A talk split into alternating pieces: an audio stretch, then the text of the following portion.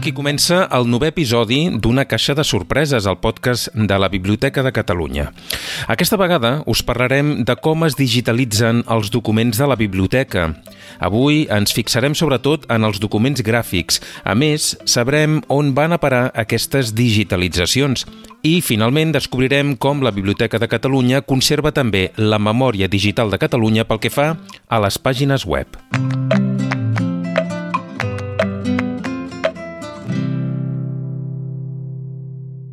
Una caixa de sorpreses, el podcast de la Biblioteca de Catalunya.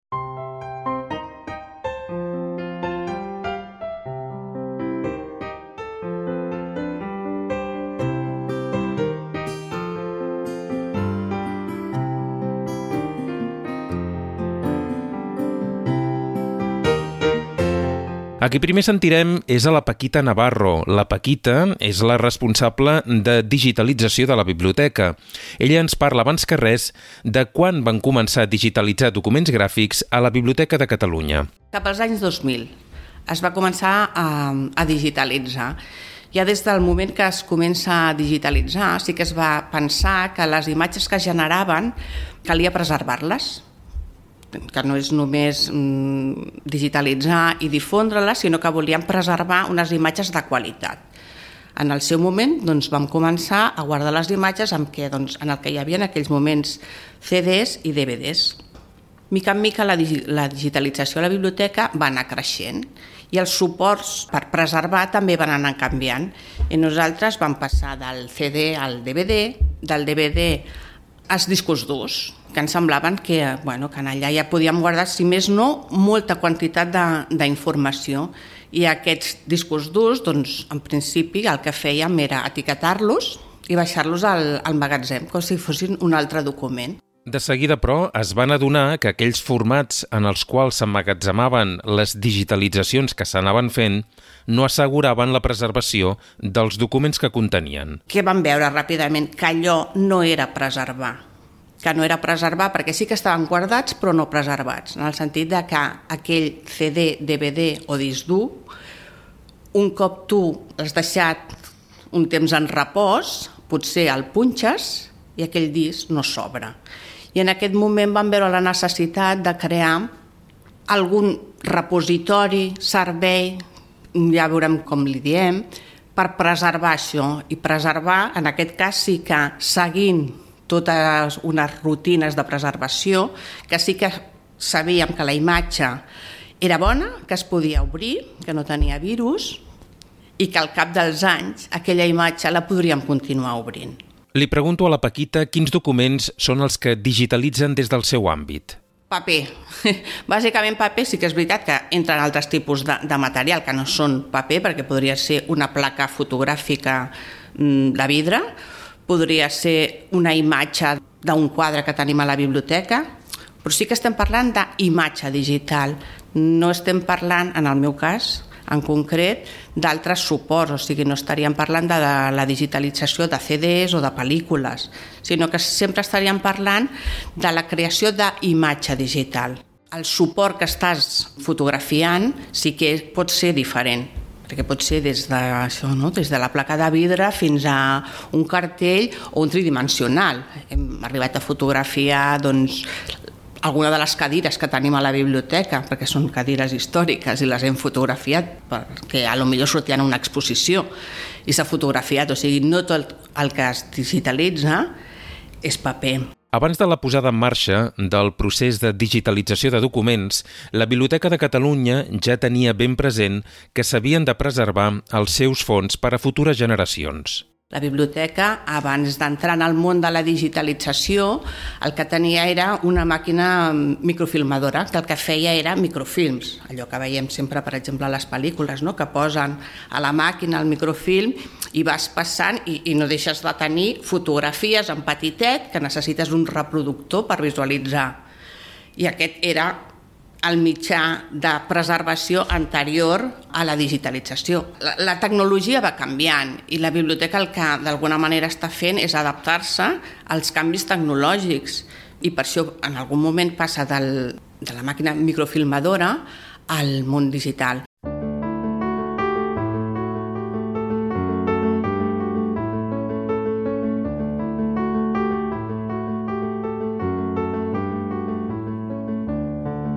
Continuem parlant de la digitalització avui al podcast de la Biblioteca de Catalunya. Ara seria moment de saber quins criteris es segueixen a l'hora de digitalitzar documents. La Paquita Navarro ens ho explica. Per digitalitzar podem seguir diferents criteris.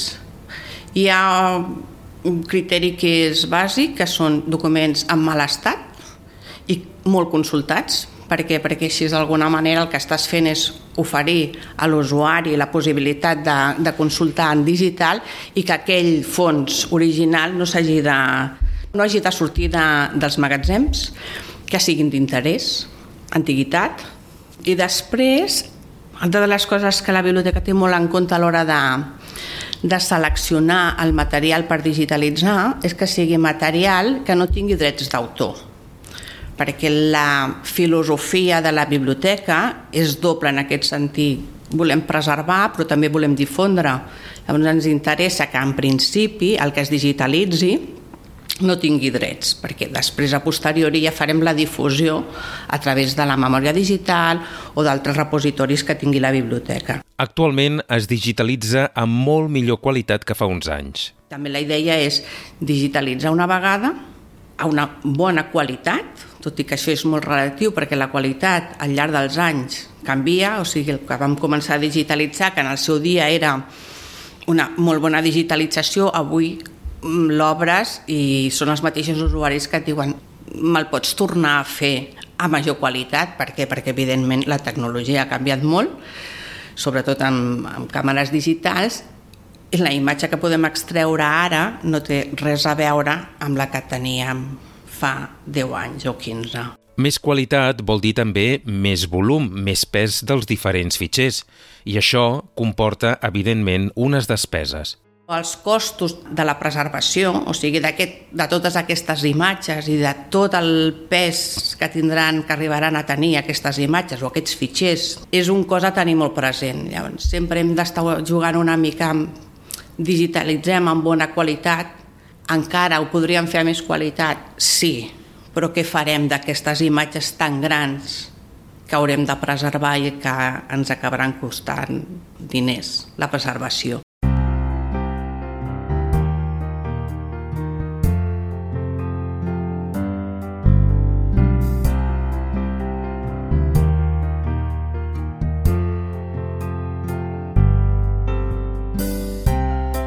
Fa un moment la Paquita ens explicava quins criteris es segueixen des de la Biblioteca de Catalunya a l'hora de digitalitzar. Ara ens comenta què és el que genera les diferents digitalitzacions. Per diferents qüestions. La primera seria eh, per petició d'usuari. L'usuari fins fa uns anys, o ara continuen demanant fotocòpies, eh, però ara moltes vegades el que demanen són imatges digitals. Aleshores nosaltres digitalitzem per petició de, de l'usuari. Què fem?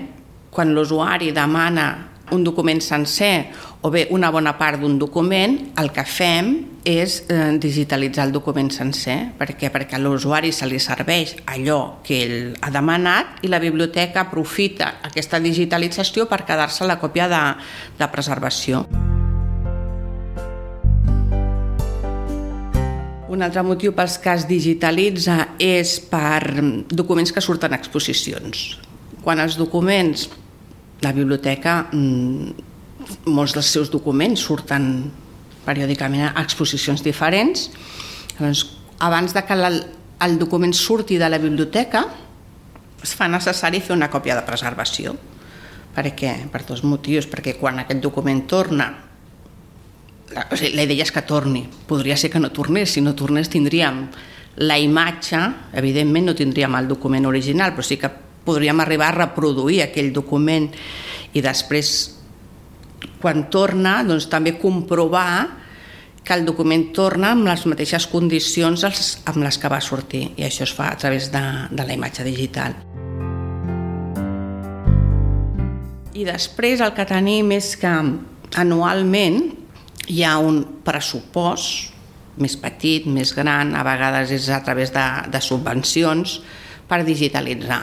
En aquest cas és molt diferent la digitalització perquè en els dos casos anteriors que he comentat, usuaris i exposicions, la biblioteca no està fent selecció. La selecció l'ha fet una altra. Llavors, digitalitzar el que, el que s'ha demanat.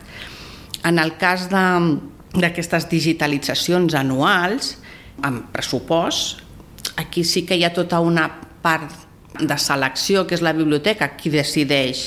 Doncs vull digitalitzar, doncs, no sé, per exemple, doncs en una, un any es van digitalitzar pergamins, un altre any doncs, es van digitalitzar dibuixos del CESC, en aquests darrers anys s'ha digitalitzat una bona part de la col·lecció cervantina. O sigui, és la biblioteca la que fa la, la selecció i aquesta és la gran distinció.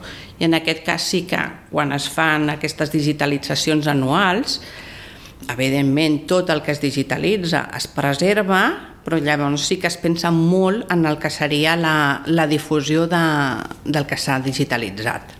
A hores d'ara segur que t'estàs preguntant com es fan aquestes digitalitzacions, de quina manera? A nivell de digitalització, els equips que, que utilitza bàsicament són les càmeres fotogràfiques, perquè amb una càmera fotogràfica són càmeres fotogràfiques, evidentment, professionals, i el que et permet una càmera és fer tot tipus de, de documents, des de, no sé, un segell de cera, per exemple, que és un, com una moneda petitona, no? perquè tu la càmera l'apropes, la pots canviar si vols reproduir una mica el, el volum d'aquest segell, et permet fer una placa fotogràfica perquè la il·lumines i tot i que és petita la pots fer. Si necessites fer un document més gran, el que has de fer amb la càmera és allunyar-te aquestes digitalitzacions les fan fotògrafs professionals que formen part de l'equip de la biblioteca. Les digitalitzacions més específiques les fan empreses especialitzades a través d'un concurs públic. Les empreses que opten sí que, com que saben el material que s'ha de digitalitzar, busquen els equips més adequats. Pues L'any que es van fer mm, cartells, que van haver de portar les empreses doncs, un, un escàner amb unes mides a zero, perquè si no, no podien fer els cartells. Llavors, les empreses sí que adapten els equips que porten, que sempre venen a la biblioteca, vull dir, els documents, nosaltres quan fem aquests concursos no els traiem de la biblioteca, perquè si no per qüestions d'assegurances també sortiria molt més car, sinó que el que fem és que tenim un espai habilitat perquè les empreses l'empresa que guanya el concurs vingui, s'instal·li a la biblioteca amb els seus equips i el, i el seu personal.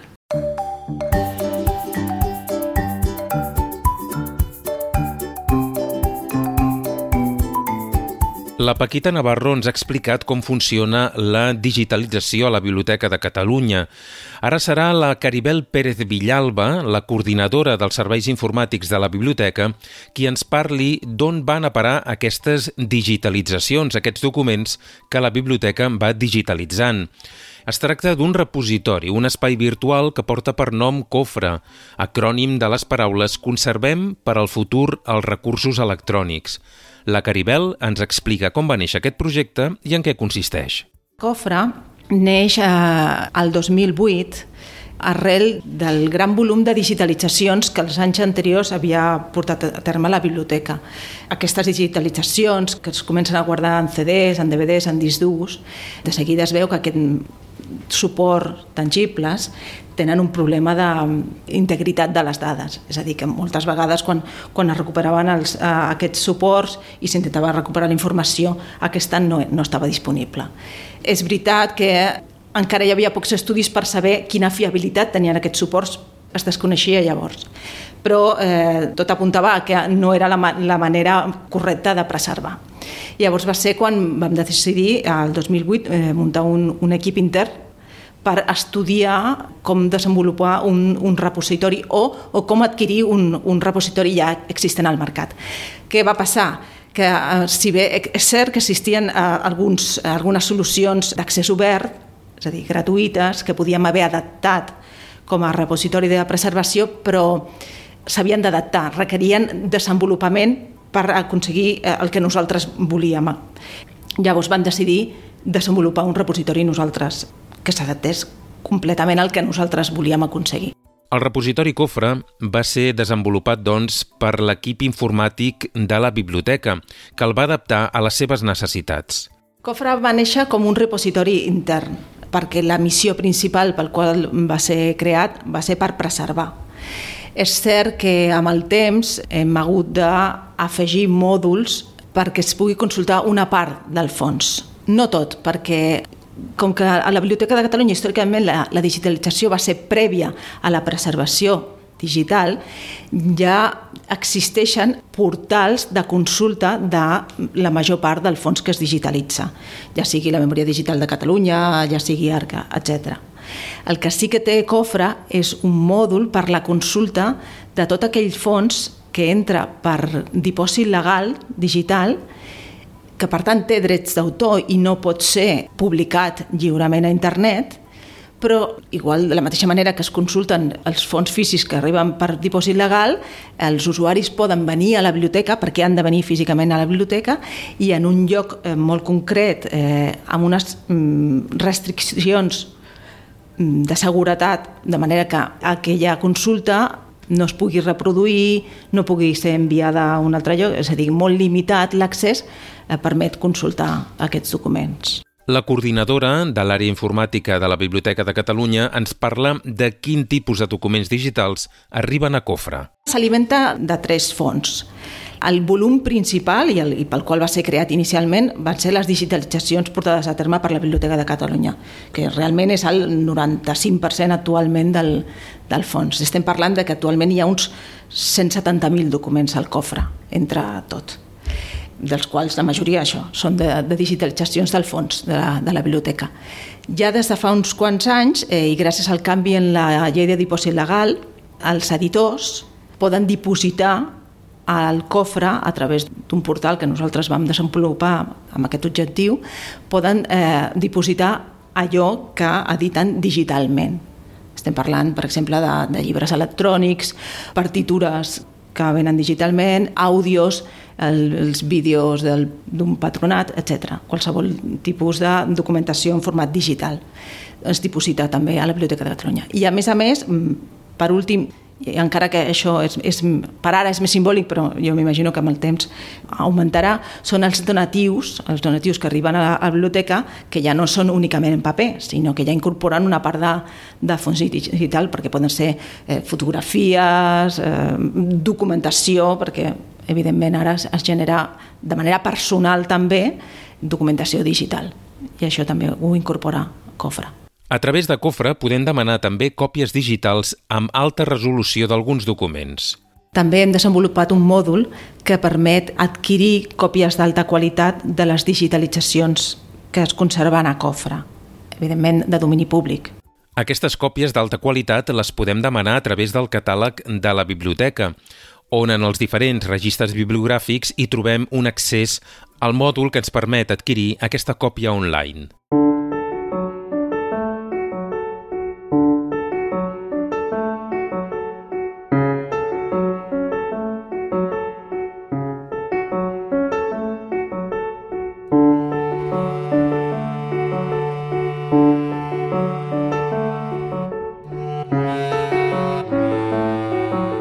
Continuem parlant de Cofre, aquest repositori digital que conté les digitalitzacions de la Biblioteca de Catalunya.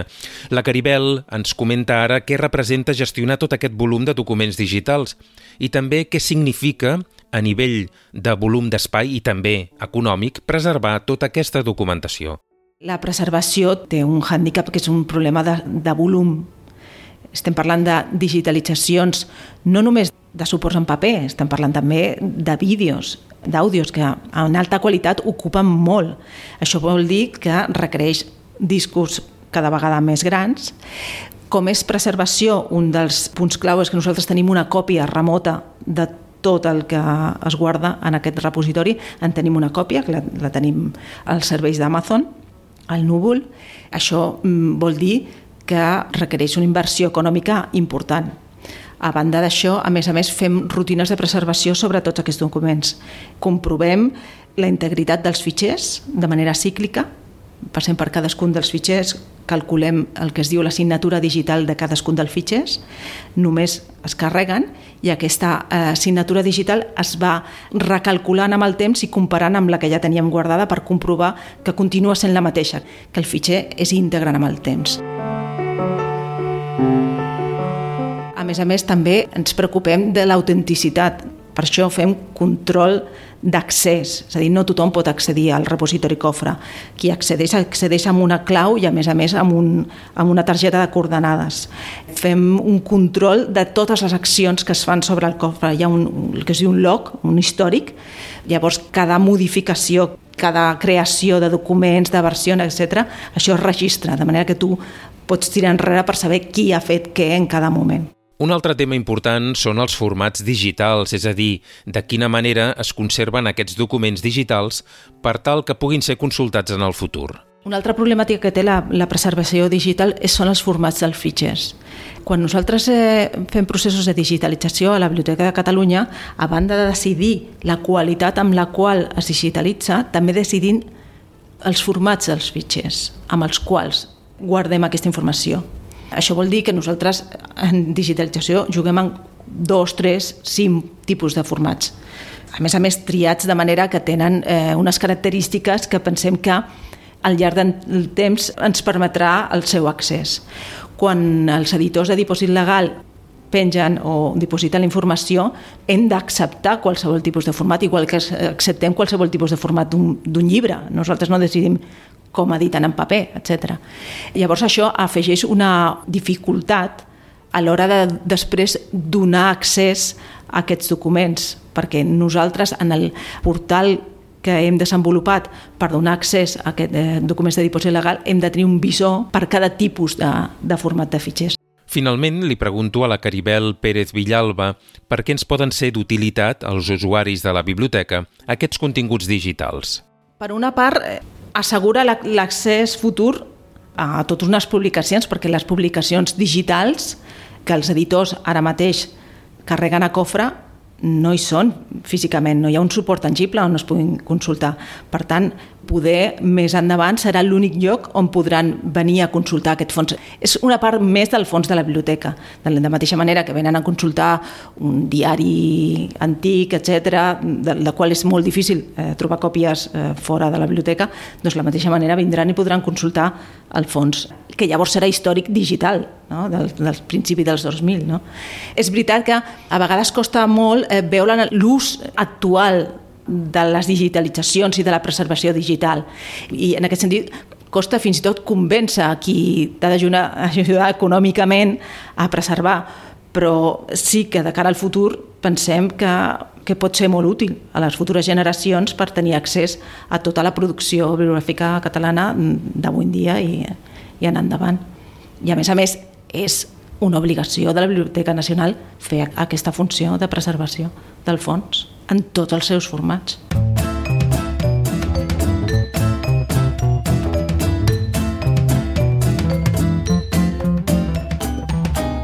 Parlem ara del Pedicat, un projecte digital impulsat per la Biblioteca de Catalunya que té a veure amb el món d'internet i de les pàgines web. Ens en parla la Marta Riera, la seva coordinadora. El Pedicat és el patrimoni digital de Catalunya seria l'arxiu de eh, les pàgines web de Catalunya. Per accedir al Pedicat ho podem fer directament des de l'adreça web pedicat.cat o també a través del web de la biblioteca, on trobareu una icona a la pàgina d'inici situada a la banda dreta amb altres projectes digitals. La Marta Riera ens explica quan va néixer aquest projecte del Pedicat i quin tipus de pàgines web recullen. Això neix a finals dels anys 90 i començaments de l'any 2000 cada vegada més pues, el contingut a la xarxa és cada vegada més ampli. Una biblioteca nacional ha de eh, recollir, conservar i difondre el que és el patrimoni, en aquest cas de Catalunya. Llavors, quan aquest contingut a la xarxa cada vegada és més nombrós i més ampli, doncs hi ha una preocupació perquè això no es perdi i, per tant, també s'hagi eh, de recollir i, per tant, també donar accés a aquest eh, patrimoni digital, però que en el fons només és el, la recollida de les pàgines web, que serien les que tenen l'extensió .cat, les que també es fan amb eh, servidors de Catalunya, les que es fan en català i les que són de, de temàtica de Catalunya o eh, relacionades amb l'àmbit català. Tot això seria el que recolliria el PADICAT. Però, Marta, el PADICAT es gestiona des de la Biblioteca de Catalunya? Sí, però tècnicament té eh, la col·laboració del CSU, que és el Consorci de Serveis Universitaris de Catalunya. O sigui, tot el que seria la part tècnica, el supercomputador que va eh, recollint totes aquestes pàgines web, estaria al CSUC. I nosaltres faríem més la part de coordinació des de la Biblioteca de Catalunya, tot i que la idea i el projecte neix aquí a la Biblioteca de Catalunya el 2005 amb aquesta fase preliminar. 2006 i 2008 es fa tot el pla pilot, de fet les primeres pàgines web ja estan eh, registrades des del 2006, que una de les primeres va ser la de l'Ajuntament de Berga i és del juliol del 2006, Després, 2009 i, i 12 ja es fa, pues, ja es posa en marxa i des de 2012 ja es fa la recollida sistemàtica d'aquestes pàgines web eh, de Catalunya. Com sentíem, aquest és un projecte relativament recent, amb un llarg recorregut per endavant. I tot això, totes aquestes pàgines web que hi ha registrades, eh, es poden consultar? Sí, això és molt interessant perquè és tot en obert i, per tant, hi ha eh, un enllaç des de la pàgina web de la biblioteca i llavors tu des d'allà, per URL, o sigui, per adreça web, pots eh, consultar totes les captures que hi hagi d'un lloc web. Clar, això com funciona? En teoria es fan un parell de captures anuals d'aquestes pàgines web i després també un parell de cops tot això es volca en aquesta plataforma que és el que la gent pot consultar i per tant tu allà tens les diferents captures que s'han fet i això pues, la gent ho pot consultar des de casa seva si té la pàgina web quan dius captures, Marta, vols dir que és com fer una foto, és una imatge d'aquella pàgina web? Sí, o sigui, això també és molt important, aquesta idea de que Padicat és foto fixa de la web catalana. I això també és molt important perquè eh, la gent o molta gent pensa que això pot funcionar com un repositori institucional. I això no, no funciona ben bé així. Primer, perquè, a veure, les captures són un cop de vegades l'any. Ara l'altre dia llegia que una pàgina web té una vida mitjana de 100 dies. Això vol dir que si la mm, màquina ha passat per la web eh, just o canvia l'endemà de que ha passat la màquina, pues, aquella captura pues, ja no funcionarà. I aquesta foto fixa que ara deies, m'imagino que no és de tota la pàgina web, sinó segurament de la pàgina principal. Com a molt, Padicat pot capturar un segon nivell, amb una mica de sort, un tercer nivell. Això vol dir que si també una web al quart nivell té una publicació o un vídeo, fins allà no hi anirà. O sigui, tu podràs accedir, doncs, per exemple, un lloc com la Biblioteca de Catalunya, doncs tens eh, la primera plana, potser pots anar a les mm, pestanyes, però després molt més enllà ja no hi podràs anar. Llavors, això també és important perquè s'ha de tenir clar que això és una foto fixa de la web catalana. Per tenir una idea de com era la web d'un lloc, per exemple, d'aquest Ajuntament de Berga el 2006, doncs, mm, està molt bé. Però, clar, no es pot pretendre que allà es conservi tot el contingut web i sobretot d'institucions com pot ser mm, l'Ajuntament de Barcelona, per exemple.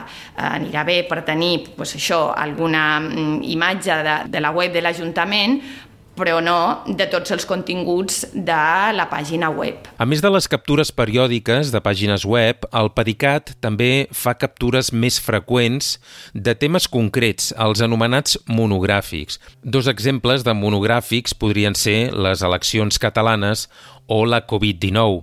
Perquè us feu una idea de quin volum de pàgines web es capturen des de Pedicat, la xifra és actualment d'unes 120.000. Des del 2007, a més, Pedicat forma part d'un gran consorci a nivell internacional on hi trobem molts d'aquests repositoris digitals.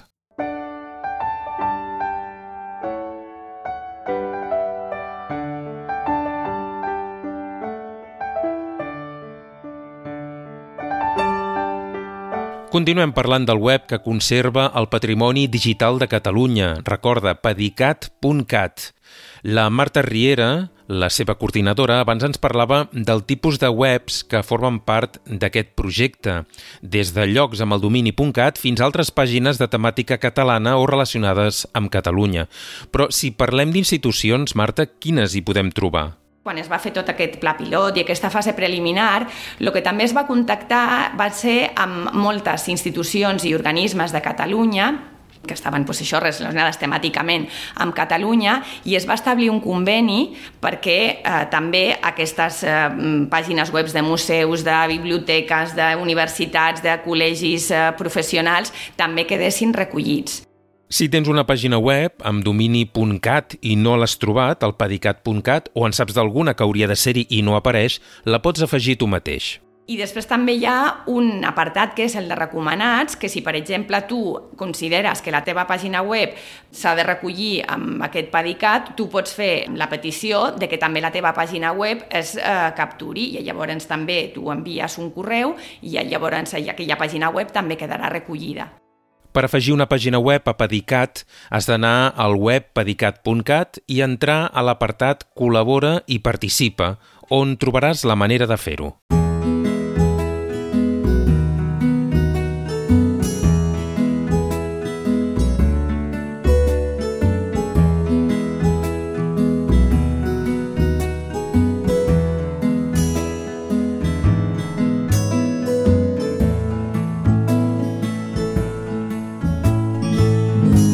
Fins aquí l'episodi número 9 d'Una caixa de sorpreses, el podcast de la Biblioteca de Catalunya. Si vols ampliar el que ens han explicat la Paquita Navarro, la Caribel Pérez Villalba i la Marta Riera, t'hem deixat alguns enllaços amb més informació a l'apartat del podcast del web de la biblioteca. L'adreça és bnc.cat barra podcast. I si vols contactar amb nosaltres per comentar-nos qualsevol cosa relacionada amb aquest episodi o amb el podcast en general, ho pots fer a l'adreça de correu electrònic podcast arroba bnc.cat. Moltes gràcies per haver arribat fins aquí i fins al pròxim podcast.